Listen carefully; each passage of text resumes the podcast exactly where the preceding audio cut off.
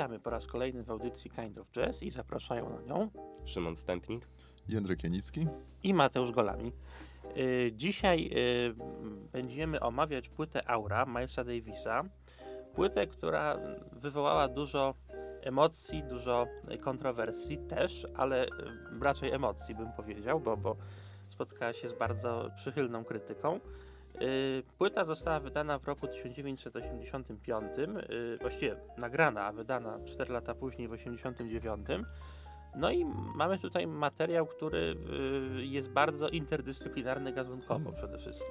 Ładne pojęcie tutaj takie wyciągnąłeś, tak? Tak, tak, pojęcie, które gdzieś tam nie funkcjonuje chyba specjalnie w świecie krytyki muzycznej czy muzyki, ale interdyscyplinarny chyba pasuje tutaj, wydaje mi się. I, i mamy oczywiście muzykę, która łączy światy przede wszystkim jazzu, rocka i muzyki poważnej. A nawet bym powiedział, że y, y, najbardziej muzyki poważnej z jazzem, więc y, album jest pod tym względem ciekawy, bo, bo chyba pierwszy album tak, przynajmniej w mojej pamięci, który tak mocno sięga po, po, po muzykę współczesną i tak bystro ją łączy właśnie z jazzem i, i z takim też rockowym przytupem.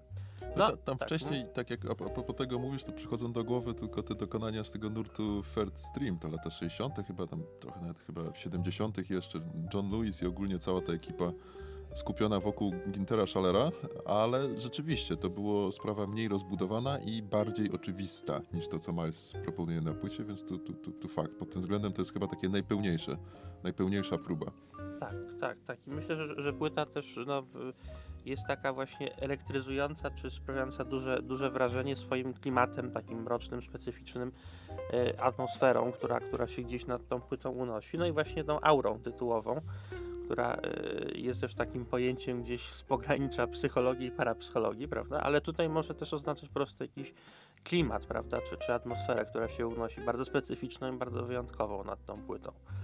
No ale może, może y, na, razie nie rozgadujmy się na jej temat i posłuchajmy pierwszego utworu z tej płyty, czyli intro.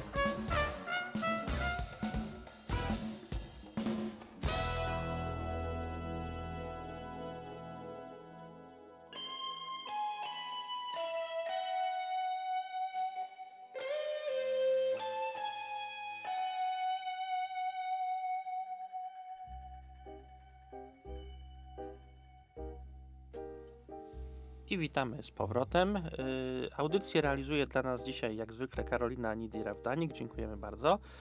Y, no i właśnie, i, no warto oczywiście powiedzieć też w kontekście tej płyty, że, że to nie są kompozycje Milesa Davisa, tylko Pel Mikkelborga, który jest y, duńskim muzykiem, trębaczem, y, też takim organizatorem trochę życia muzycznego w Danii, ważną postacią tam. No i oprócz, oprócz Milesa Davisa, któremu ta płyta jest dedykowana właśnie przez, przez Mikkelborga, gra tam orkiestra duńskiego radia, w, w której mamy szereg znanych dzisiaj muzyków, innymi Merlin Mazur na, na perkusji, czy Tomasa Klausena na, na keyboardach. Również do, do płyty dołączył John McLaughlin, który co prawda nie jest, nigdy nie, nie, gra, nie, nie grał jako członek bandu orkiestry duńskiej, ale tutaj dołączył jako, jako, jako muzyk y, y, taki sesyjny dodatkowy. Został... Ulubiony muzyk Milesa, jak wielokrotnie podkreślał. Tak, tak, tak. Mhm. Wielu innych muzyków ulubionych Milesa. Miles miał wielu ulubionych, wielkie serce miał po prostu. Tak, wszystkich, wszystkich lubił. Uwielbiał. Tak, i, i wszystkim właściwie w pewnym sensie też y, stworzył jakąś tam szansę na rozwój, prawda? Y, tutaj y, akurat po tej płycie zaprzyjaźnił się z Merlin Mazur, z którą potem grał trasy koncertowe po całym świecie właśnie ze swoimi albumami, albumami z lat 80., między innymi z Tutu właśnie, więc, więc też to, to, to była chyba ważna, ważna dla niego znajomość. No i właśnie, jak zwykle chciałem was zapytać, jak wam się ta, ta płyta podoba i czy, i czy y, ta mroczna atmosfera, która oczywiście gdzieś chyba nad tą płytą się unosi, y, jest dla was y, sugestywna, czy, czy może jest zbyt, zbyt mocna, prawda, zbyt taka wciągająca. No, ta płyta, czy mi się podoba, ona tak do końca mi się nie podoba, ale może o tym za chwilę czemu. Natomiast jak pierwszy raz zacząłem jej słuchać ileś lat temu, to nie zwróciłem uwagi, ale teraz jak do niej wróciłem, to pomyślałem sobie pierwsze skojarzenie, zaraz wytłumaczę czemu, że to jest trochę podobne do płyty, ona się chyba nazywała nawet na pewno Miles Ahead, którą Miles nagrał z Gillem Evansem, bo tam mieliśmy dość bogatą orkiestrację, też taką, no, trochę w kierunku muzyki klasycznej poważnej. I na, tym, na, na tle tej, tej, tej bogatej orkiestracji był jeden solista, Miles, tak? Tak, on, on, on na tej trąbce tam cuda wywijał. Natomiast tutaj mamy mm, podobny pomysł na, płycie, na płytę, że na, na tle tych, tych bogatych, efektownych często aranżów, takich skomplikowanych, mamy solistów, którzy grają, tylko tymi solistami nie zawsze, tym solistą nie zawsze jest, jest, jest sam Miles. Co mi się podoba i co powoduje, że ta płyta jest na pewno jakaś taka mm, bogatsza pod tym względem niż, niż, to, co było, niż to, co było chociażby na Miles Ahead. I to było takie pierwsze moje skojarzenie, jak wchodziłem w tę płytę i dopiero później jakby zacząłem jej słuchać tak zupełnie konkretnie, co tutaj się pojawia, co tutaj się nie pojawia i tak dalej, i tak dalej, ale najpierw mi się przypomniało właśnie z tamtym krążkiem nagranym wspólnie z Gillem Evansem. No, mówisz tutaj o tych aranżach orkiestrowych, a ja ich tutaj zupełnie nie słyszę. Znaczy one są tutaj, ale zupełnie nie wychodzą na pierwszy plan. Nie zgadzam się właśnie z tym porównaniem do Miles Ahead. Tutaj, jeżeli miałbym szukać jakichś porównań, to chyba bardziej do Tutu, który zostało nagrane no, rok wcześniej. Tutu brzmieniowo na pewno, ale sam pomysł na płytę mi chodziło. Tutu brzmienie, ma rację, jest bardzo, bardzo podobne. No przy tych bardziej, bardziej mocniejszych, -hmm. jakby szybszych kawałkach to na pewno. Natomiast tak brzmieniowo, no nie wiem, tutaj ja bym bardziej szukał inspiracji w stronach jakiegoś takiego skandynawskiego jazzu. No bo ta Skandynawia jest tutaj bardzo słyszalna, szczególnie w tej aurze, tej, tym klimacie, o którym tutaj mówił Mateusz.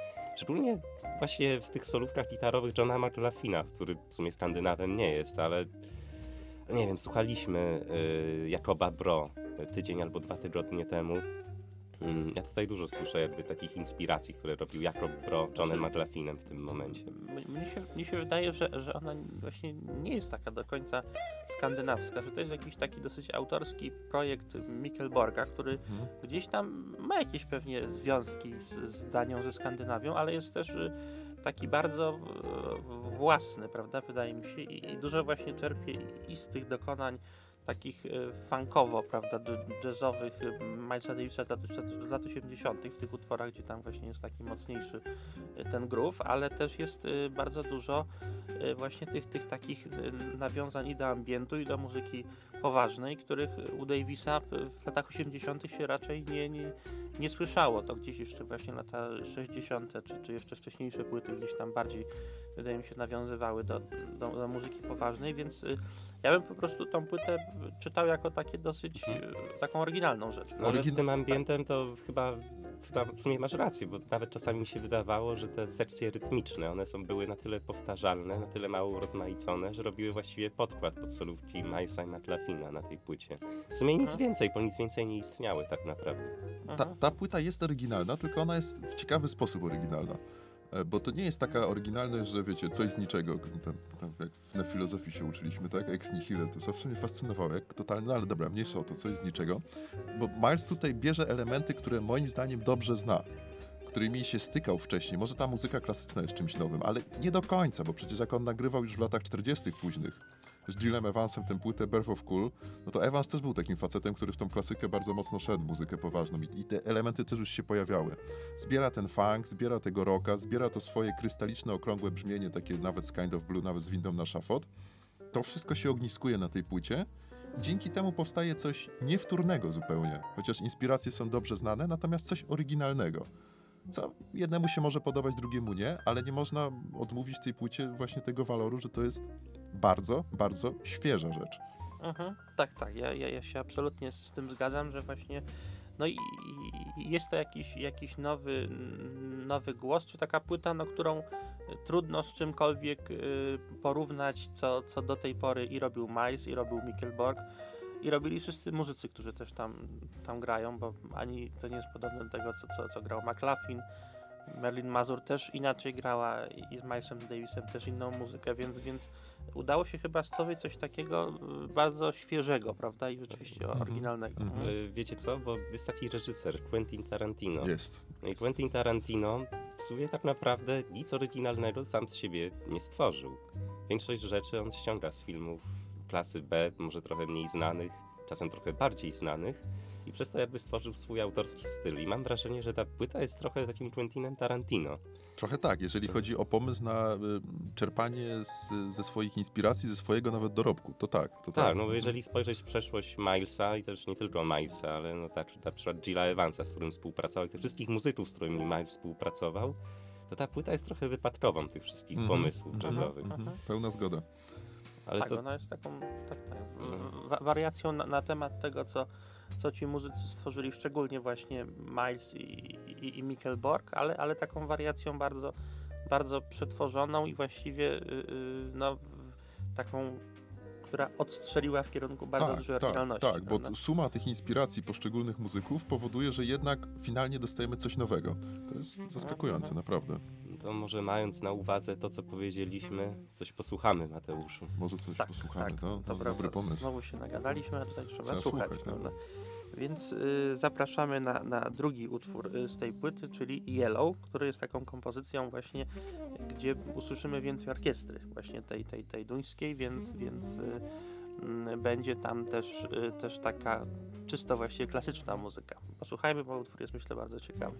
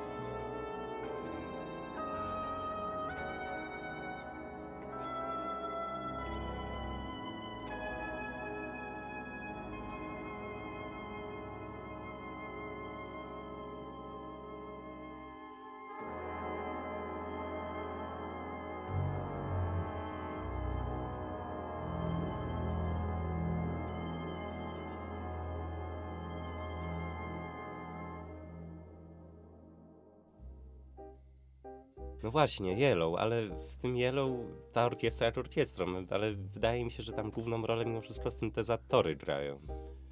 Znaczy ja bym powiedział, że syntezatory bardziej na, na y, tym intro, który, który słuchaliśmy na początku. Tam jest taka, Mhm. takie wejście właśnie y, m- mroczne, przestrzenne y, tych synteza- tego syntezatora czy syntezatorów. A tutaj właśnie y, gdzieś wydaje mi się, że ta orkiestra przyjmuje, przyjmuje pałeczkę i ona y, też zmienia melodię, prawda? Tak pulsuje, y, trochę się wycisza, potem znowu zaczyna grać tak ostro. Też, też jest bardzo duża dynamika, prawda? Tej gry tej orkiestry. No tak, bo też ja czasem mam problemy, by odróżnić skrzypce od, od syntezatorów tak naprawdę. O, to to wyznanie. wyznanie od No razu. no, ale na, na tej płycie trochę tak jest. jest. Trochę tak. No. Wiecie co, natomiast my się nachwaliliśmy tej płyty, że nie wiadomo jak ona jest y, twórcza, oryginalna, świeża i tak dalej. Natomiast powiem wam zupełnie szczerze, że ona mi się do końca nie podobała. E, I zaraz wam powiem czemu. Bo ona w zasadzie posłuchałem jej pierwszy raz, mi się spodobała. Potem posłuchałem jej drugi raz z pewną osobą, którą zresztą chciałem tu pozdrowić z tego miejsca. Natomiast to. e, i, I słuchamy, słuchamy, i ona mówi nuda. No ja tak sobie myślę, w sumie rzeczywiście nuda. O co chodzi, tak? Zostałem przekonany, że tu się nic wielkiego nie dzieje i zacząłem o tym myśleć. Dlaczego ta płyta we mnie też zaczęła wywoływać taki rodzaj odczucia, który trochę mi został narzucony, ale w sumie przyjąłem jako swoje. Wydaje mi się, że to frazowanie Milesa jest dużo słabsze niż było na jego poprzednich płytach. E, jego bym się czepiał. Brzmieniowo jest super, absolutnie super. Tu, tu, tu, tu wiecie, brzmienie trąbki Milesa to zawsze był, jak to się teraz mówi, top. Natomiast e, te solówki są nie, niewykończone. One nie ciągną tych utworów w taki sposób, jak to się zdarza, zdarzało na poprzednich płytach. To nie chodzi o to, że zawsze u Milesa trąbka była siłą napędową, bo my dobrze wiemy, że on potrafił oddać pole innym muzykom, ale zawsze ten jego głos, jako trębacz oczywiście, był takim genialnym dopełnieniem, e, takim, takim spuentowaniem tych utworów w punkt po prostu zrobionym, perfekcyjnym. Nawet jak nie perfekcyjnie zagranym, to perfekcyjnie pomyślanym. A tutaj tego mi na tej płycie, prawdę mówiąc, brakuje i te utwory przez to dla mnie się trochę jednak rozłażą. Mi się wydaje, że Miles nigdy nie był żadnym wirtuozem Nie, nie, nie, ale miał genialne wyczucie frazy, co zagrać kiedy, w jakiej No, ilości. był dla mnie przede wszystkim genialnym, nawet może nie kompozytorem, ale Bandliderem. bandliderem, tak, no, dokładnie. Zresztą, czy potraficie wskazać jakąkolwiek solówkę Milesa z jakiejkolwiek jego płyty, której by, byłby jakimś takim, byłaby wybitną solówką na trąbce? Znaczy pewnie, pewnie by się No coś tak, ale to musicie, znalazło. musicie poszukać, no, ale nie miał takich jakby najbar- najbardziej klasycznych motywów, no, jak na przykład Coltrane'a to już od razu możemy wymienić Tak, sobie tak, na przykład pewne jego fragmenty. Sam Tak, bo on, on, on w ogóle, m, Miles Davis, no na przykład jeżeli chodzi o brzmienie, to też, też to słychać, jest takie dosyć y, ospałe, ta trąbka nie ma takiego ładnego brzmienia, prawda, takiego, takiego jak na przykład, nie wiem, trąbka Tomasza Stańki, gdzie ten dźwięk jest taki krystaliczny, taki, taki czysty i wi- widać też świetną technikę y, samej gry, prawda, Miles Davis zawsze był, był y, y, no, krytykowany za to, że, że ten jego dźwięk, dźwięk jego trąbki jest taki ospały, y, że on jakby no, nie- ma super techniki dmuchania w trąbkę, y, więc, więc rzeczywiście miał też, mia- miał też swoje słabości, no, ale przede wszystkim on był zawsze człowiekiem, który świetnie organizował zespoły wokół siebie, prawda, ludzi potrafił y, natchnąć, prawda, i myślę, że ta płyta jest y, czymś takim też, prawda, Pełna że, zgoda, pełna zgoda. Ja się ze wszystkim zgadzam i z technicznymi problemami Milesa, które też może, może po części, nie wiem czy wiesz Mateusz, wynikały z jego samego problemu ze strunami głosowymi i tak dalej. Aha. Nieważne. I się zgadzam, że był świetnym organizatorem życia muzycznego, można powiedzieć. Wszystko to prawda i naprawdę dobrym kompozytorem, ale on wiedział, co robi. On miał po prostu konkretny zamysł na to, w jaki sposób poprowadzić frazę na tej trąbce i jak właśnie te utwory, przepraszam za wyrażenie, scalić do kupy. I zawsze ten element, któ- których nawet czasami, wiecie, dość awangardowym graniu, jak się poruszał, to zawsze tym elementem, które wyprowadzały na prostą z powrotem utwór i w jakiś sposób, wiecie, ciągnęły go tak, że on był chwytliwy coraz bardziej i zapamiętywalny, była właśnie ta trąbka, te dźwięki, które on grał, nawet nie tyle trąbka. A tego naprawdę mi tutaj brakuje. Tego spoiwa, którego zawsze tak traktowałem i tak myślałem o Milesie. Mi się z kolei akurat jego gra na tej płycie podoba. Ja lubię, jeżeli takie brzmienie jakichkolwiek instrumentów jest na tyle charakterystyczne, że nie da się pomylić grania tej osoby z jakąkolwiek inną osobą. No i wydaje mi się, że tutaj jeżeli ktoś choć trochę jakby zna się na muzyce jazzowej, usłyszy grę na trąbce, no to może wskazać w pierwszej kolejności, że tak, to jest Miles. No na pewno. Także, także akurat pod tym względem gra na trąbce tutaj mi się podoba. Jest bardzo charakterystyczna.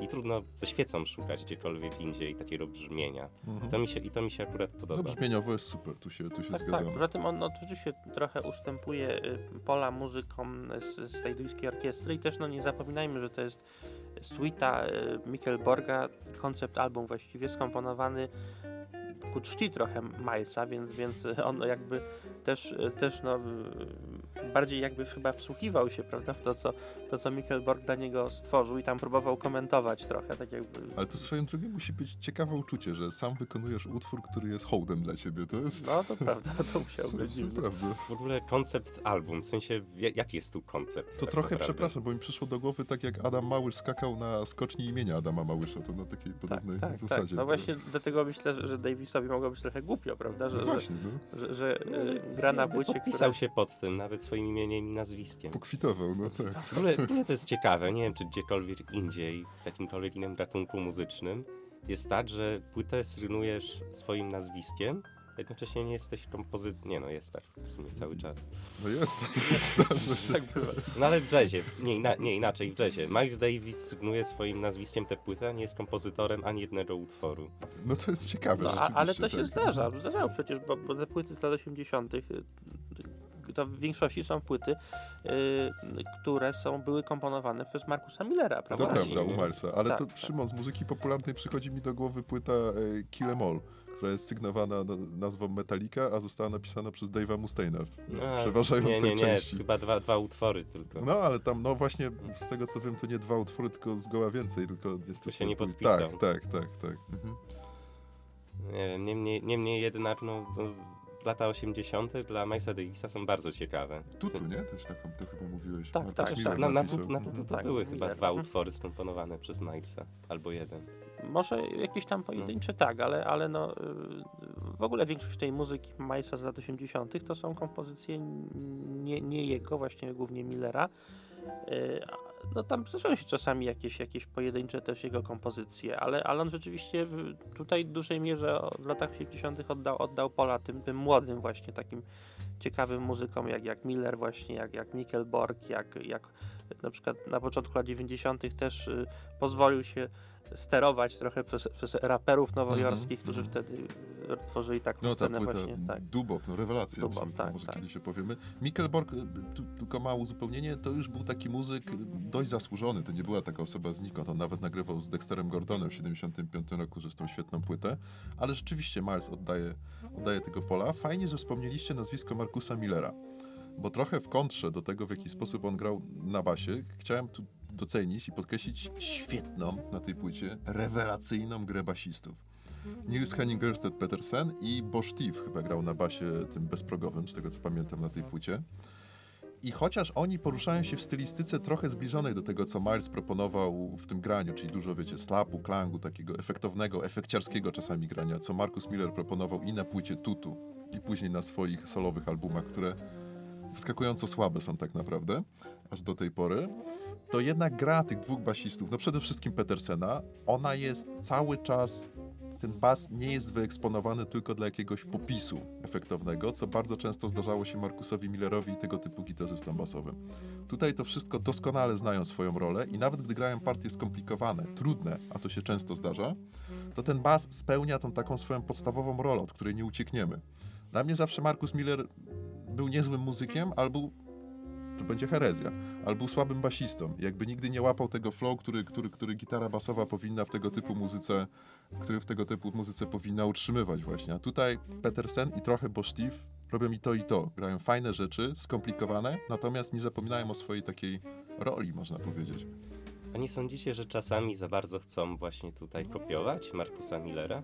I to wychodzi nieudolnie? Brzmieniowo na pewno. Natomiast jeżeli chodzi o samo to, co grają, to moim zdaniem to jest ciekawsze niż to, co No, Miller no robi. właśnie moim zdaniem nie, no bo czasami tutaj nie potrafię wymienić których utworów, ale chyba na przykład Dream, gdzie jest taka solówka na basie, no to czasami trochę pojawiają się te slapy czasami wydaje mi się, że zupełnie bez sensu czasami, jakby na siłę chciano tutaj oddać brzmienie Markusa Millera, chociaż nie było wymagane w takich utworach. Znaczy, ja myślę, że, że, że nie do końca, że Markus Miller też trochę inaczej grał. e, że tutaj te, te, te- debaty są takie potężniejsze, mroczniejsze, prawda? U, u Millera jednak one były takie bardziej fa- funkowe i radosne, żywiołowe, prawda? Tutaj jest taka, taka, taki gruby dół, prawda? Osadzenie jednak Osadzenie takie, takie mhm. mocne i takie ponure też, prawda? Więc, więc myślę, że, że, że, że tutaj bym się też nie zgodził, że to jest jakaś wtórność. Myślę, że to jest w ogóle po prostu bardzo oryginalna muzyka, którą ciężko e, gdzieś tam odnieść do, do, do czegoś z przeszłości. Też, też mm, niepowtórzona właśnie w przyszłości w sposób jakiś taki mm, no, mocno, mocno podobny. No, po prostu takie, można powiedzieć, trochę dziwactwo też, prawda? Bo tutaj jest trochę dziwna też i może być taka odczytywana za taki eksperyment też nie do końca udany, prawda? Mm, ale, ale myślę, że, że, No to jest że wartość ciekawy. sama w sobie, Tak, tak, podjąć tak. taką próbę. Tak w ogóle to ta płyta jest najlepiej ocenianą płytą Milesa w latach 80. Naprawdę? krytyków. Po No. czasie. Mhm. No. Chyba bym się nie zgodził. A, natomiast myślicie, że artysta pseudonimy, o pseudonimie Mrozu, wiecie, ten nie mamy nic do stracenia i inspirował się tą płytą Milesa, gdy nagrywał swoją płytę zatytułowaną Aura? No, wiecie co? Trzeba To spytać jest Mroza. dobre pytanie. To pewnie, pewnie, pewnie, no, znaczy my się tak śmiejemy, ale, ale ci wszyscy muzycy z takimi śmiesznymi ksywkami, to oni pewnie dobrej muzyki słuchają na co dzień, więc oni też, też mają świadomość, więc myślę, że pewnie znał może tą płytę, ale, ale myślę, że Może Nie inspirował się. Ja jeszcze, tak. jeszcze zanim tutaj zakończymy, chciałbym wrócić do tego, do, do, do, do koncepcji tego albumu. To jest album koncepcyjny, ale jaka jest tu koncepcja? Jak myślicie? Też może sobie napisać jakieś utwory i nazwać je kolorami, no ale no, rozumiem, że w albumie koncepcyjnym stoi za tym jakaś myśl. Stąd moje, pytanie, co jest myślą przewodnią tego albumu?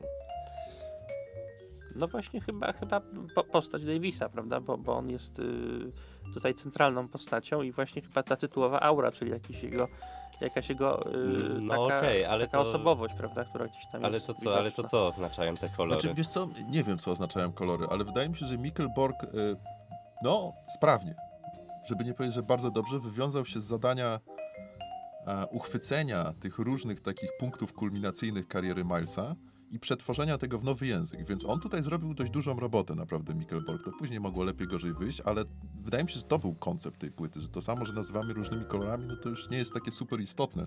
Może te, te okresy, e, może te okresy twórczości Milesa kojarzyły mu się po prostu z jakimiś kolorami. No, mogło tak być, to może być aż tak proste wytłumaczenie po prostu No, tego ale wszystkiego. Na przykład Blue zupełnie nie brzmi jak Kind of Blue. Nic nie brzmi jak Kind of Blue. No. Nie, po prostu, po prostu byłem zaciekawiony tym, jakby co, co oznaczają te kolory, no ale to Znaczy, nie bo- bo- będzie dane mi dowiedzieć się. Bo w ogóle w, te, w, tej Słyszałem konce- te słowa wyrzutu tutaj teraz. w, te, w tej koncepcji aury, no to właśnie te, te kolory oznaczają y, ym, właśnie różne barwy, które są wi- widoczne dla, dla osób, które gdzieś tej aury doświadczają, prawda, A, jako, okej. jako no, widoczne nad, nad, nad głową na przykład, prawda, tej osoby, która, y, która, y, która jest tą aurą jakby otoczona, czy ma tą aurę. No to jest takie no, strasznie mętne pojęcie, wiadomo, no, gdzieś tam z parapsychologii, jak, jak mówiliśmy, wzięte, ale, ale właśnie no, to chyba jest ten koncept, prawda, czyli pojęcie aury wzięte gdzieś tam z, z pogranicza psychologii i A parapsychologii. pamiętasz, jak tak. profesor Sieczkowski, pozdrawiamy, Tomek, kiedyś nam opowiadał, że jedna studentka utrzymywała, że on ma aurę nad sobą koloru chyba zielonego? O, nie pamiętam tego, O, no, ale może właśnie no, tak, to, to, tak, o to tak, no. mniej więcej chodzi, tak, tak. No i Mikkelborg doszedł do wniosku, że, że, że pewnie ten, ten, ta, ta aura, czyli, czyli gdzieś ta osobowość Davisa e, znajduje odzwierciedlenie w tego typu mu- muzyce, prawda? Czyli no, rzeczywiście, rzeczywiście jakiejś takiej dosyć i tajemniczej, i mrocznej, ale też czasami właśnie skocznej, funkowej, żywiołowej, Mhm, więc tam, tam jest jakby cały, cały Miles. No, ale też, też nie, nie można zapominać, że on wtedy w latach 80., no to już ym, 85, jak to nagrywali, to on no, już 6 czy tam 7 lat mu pozostało życia jeszcze. Jan już był też człowiekiem takim no, fizycznie dosyć wyniszczonym, prawda? Więc tam, tam y, y, to, to, to, to się, to się widziało, więc to też pewnie jest jakaś taka, no nie wiem, może, może próba trochę, trochę pokazania, prawda? No on zmarł na tego. zawał serca, nie? Na udar chyba. Na udar. Mhm, okej. tak, tak. I tym też, też się dzisiaj mówi, że jakieś miał tam też problemy z AIDS, więc, więc to też, y, też mogło mieć znaczenie w jego śmierci. No tak, no po prostu już, już w, w no, w latach 70. świetne rzeczy grał, ale, ale no już widać było, pamiętacie, prawda, fizycznie tak, tak, zniszczony tak, tak. taki. taki człowiek tak, tak, wyniszczony, to jest dobre określenie. To w ogóle, jak, jeżeli lubimy jakieś klamry, robić coś takiego efektowne, e, tego typu podsumowania kariery, to to by była płyta, która bardzo by pasowała, żeby była ostatnią w dorobku Milesa. Bo to jest jednak Aha. mimo wszystko raz, że taki hołd, dwa, że takie zwieńczenie tej kariery muzycznej, tych różnych inspiracji. Później jeszcze się ukazała płyta ta Dubo, o której dzisiaj wspomnieliśmy, chyba w 92.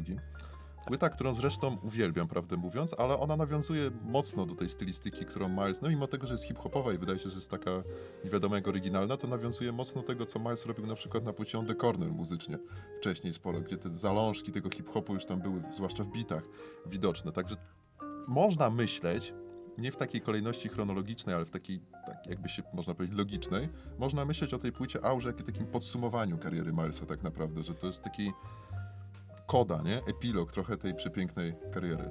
Mhm. Tak, tak. Myślę, że to byłoby dobre, dobre określenie, że to jest jakieś takie trochę podsumowanie, prawda? Mhm. Mhm. Ale też nie zgodzę się, że to mogłaby być ostatnią płytą Milesa, albowiem jak mówicie, to, to nie są propozycje jego autorstwa. To to mi trochę przeszkadza. W sensie uważam, mhm. być może to jest trochę uważanie nieco nad wyraz, mhm. że artysta jakby zakończając swoją karierę, no to musi mieć coś do powiedzenia od siebie, a nie od innych. No ale takie wtrącenie. To wiesz, jak będziemy robić ostatni odcinek, to autorski musi być, tak? No, z autorską muzyką. Będzie problem. No, no, ale, ale, tak ale... szeroko rozszerzyliśmy pojęcie jazzu, że wiesz. Nie, ja myślę, że awangardowy jazz, szuranie kotarami to No, w tym tak, kierunku, pozdrawiamy. Paulinę Owczarek. Wszystkich dzisiaj pozdrawiamy, naprawdę. Tak, tak. A jeszcze chciałbym trochę może... Ale Paulinę zawsze, tak, tak. W obronie, w obronie Milesa Davisa stanąć, no, że, że on oczywiście w latach 80. dużo nie komponował, ale też komponował bardzo dużo wcześniej i, i, i, nawet któryś tam z jego menedżerów chyba tak powiedział kiedyś, że, że no, to właśnie w odniesieniu do tej przerwy 6 lat, kiedy on przestał nagrywać pomiędzy 75 a 81 rokiem, właśnie powiedział, że no Milesowi Davisowi należy się przerwa i w komponowaniu, i w graniu własnych rzeczy, bo przez 35 lat właściwie ciągle tworzył nowe rzeczy i ciągle zmieniał i zespoły, i gatunki, prawda, i był bardzo, bardzo zawsze, zawsze na, na topie, więc no też może, może nie, nie wymagajmy od geniusza, żeby, żeby był jeszcze bardziej genialny, mm, prawda? Tak, tak, tak, to prawda. Dobrze, Myślę, tutaj czas, czas nam się kończy powoli. Z tym optymistycznym akcentem. O Malsie tak. można mówić i mówić. Mówić i mówić, z sensem i bez sensu, to prawda. To co na koniec puszczamy? To na koniec puścimy utwór Electric Red Yy, który jest taki bardziej właśnie funkowy, ale no, no też... funkowy i też rockowy, bo też dość, dość tak. mocno ta gitara pracuje na klafinę. To co, bardzo dziękujemy i słyszymy się za tydzień. Do usłyszenia. Bardzo. Dzięki.